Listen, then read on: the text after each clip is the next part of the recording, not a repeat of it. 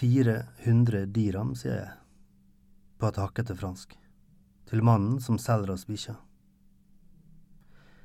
Han ligner en herja flamingo, horus med skitne dreads. Den ru neven hans glir over en hårløs mage, glatt og varm som blankvasket stein. Den brune pelsen, blakk av støv. Det ene øret hennes henger ned, det andre står til værs. Hvite poter. Ballerinasko. Slik ser altså ei gatebikkje ut uten flokk. Stamtavle den sterkestes rett. Jeg gir valpen videre til hun jeg elsker. Rekker å kjenne hvor lett den er. Nesten bare pels og øyne. Hun tar så forsiktig imot, som gjaldt et ladd våpen. Løfter den mot munnen. Mens andre hundeeiere drar i båndet, som for å få start på en rusten påhengsmotor. Tokker Nana lett av sted.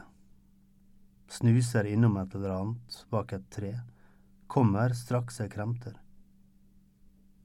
Lar meg vite at min forsiktige stemme er sterkere enn alle disse armene til sammen.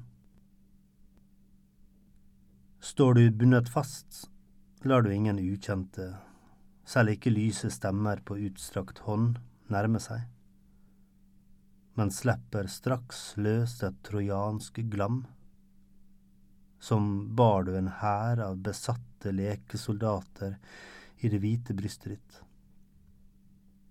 Og kan jeg høre bråket inne fra butikken, kjenner jeg en frydefull skam velle opp i meg ved lyden av den ville bjeffinga, fordi den stammer fra nettopp deg og jeg vet at ingen andre kan nærme seg og gjøre spetakkel om til klang av glade klynk og labbetass i møte med det logrende blikket fra den lille kroppen din. Buktene nå av innestengt fryd, fordi det er min glede som spiller på deg, som løpende fingre på et lykkens instrument. blant atlasfjellenes snødekte topper. Bare frostrøyken beveget seg, og svarttrosten i Nanas øye seff. Det var en vill tripp. Tre sinn virket i meg samtidig. Da svarttrosten så vidt smatt under glefset, markerte Nana med en skvett revirets omkrets bikkja, kona og jeg. Ett sinn. Amen. Man må gjerne snakke om hunder som om de var barn, men vokte seg for å sammenligne andre folks barn med bikkjer. Du var tre år gammel. Du veide knappe sju kilo. Ikke et menneske, men bar nok for oss. Forlabbene dine var hvite ballettsko. Når vi ventet på grønn mann, stilte du skoene i første posisjon. Det hender jeg våkner av det korte klynket og lyden av noe som minner om en ransel kastet under en bil i fart. Hundens hjerte banker, stadig, i hunden jeg elsker. Så hurtig det slår mot øret lagt til brystet, som om hun alltid er på vakt. Når hun sovner, plukker drømmen henne opp, slik ei tispe bærer avkommet sitt mellom tennene ut av et hjem i flammer. Bak øyelokkene jager øynene fram og tilbake. Desperate vakthunder.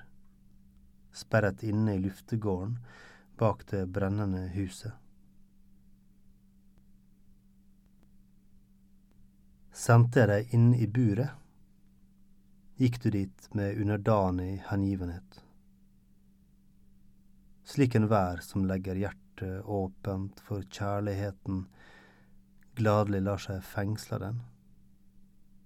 Da den elskede er nøkkelen til portens lås, og vokteren selv sitter innesperret i elskerens hjerte.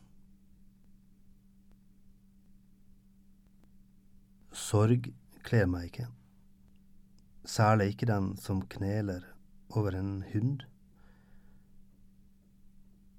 Jeg ligner en begravelsesagent med en papegøye på skuldra. Noen ganger må man kalle en spade for kjærlighet, og grave opp ordet hjerte. Om man skal beskrive en hund som dør på kald asfalt, mens nettopp dette hjertet pumper blodet ut av kjeften på den, og dampen stiger til himmels, lik en sjel.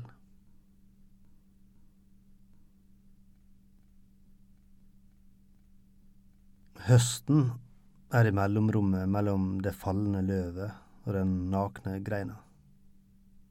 Bikkjas nærvær i alt den ikke lenger er Ingen slank kropp som tasser med sløve klør mot parketten, eller matbiters regn mot kjøkkengulvet, i en hundedrøm mettet av lukt. Ingen varm dritt i hånda trukket inn i svarte poser, et rosa halsbånd uten hals. Ingen av lydene, luktene eller de tynne hårene som kilte oss i nesa når vi våknet av ei tunge i trynet et navn å rope, men ingen kropp som lystrer navnet. Det handlet om røsten, måten jeg sa det på. Jeg kunne ropt hvilket navn som helst, og bikkja ville kommet logrende, tatt bolig i det. Jeg vender meg mot hun jeg elsker, og sier navnet, med en sprekk i stemmen. En eim av våt hund siver ut.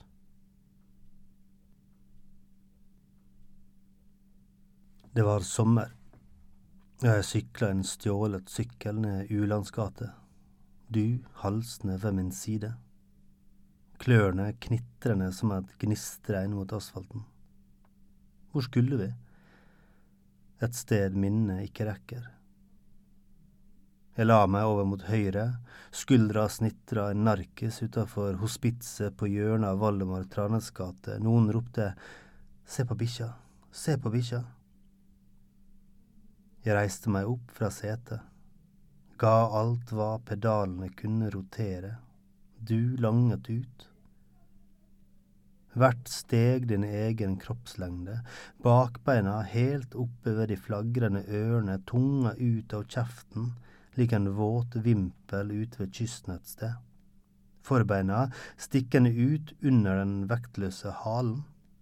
Før alt byttet plass igjen, og du skjøt fart som om du skiftet gir i takt med meg og den gule sykkelen på vei mot ja, hvem vet hvor.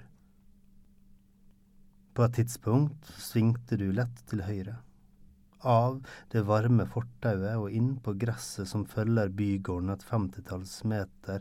Der tok du hvert lille svarte gjerde i ett byks kroppen din strukket ut i lufta som selveste bikkja på logoen til de sølvgrå greyhound-bussene som krysser det amerikanske kontinentet. Mjåhunden i Dantes første sang sprang på sprang etter svevende hopp. Som skulle du ta helt og holdent av, suse mot himmelen, lik eventyrets Nana, hun som under Tingelings glitrende tryllestøv tok til å sveve opp mot den gule månen, før båndet, knyttet rundt halsen, holdt henne tilbake. Nei, hennes klumsete vektløshet kunne aldri nærme seg dine svev. Du fløy som en sjelden glede, inn og ut av sjelen min, for hver korte flyvetur og der svever du fortsatt, en minnets laika i bane om hjertet mitt.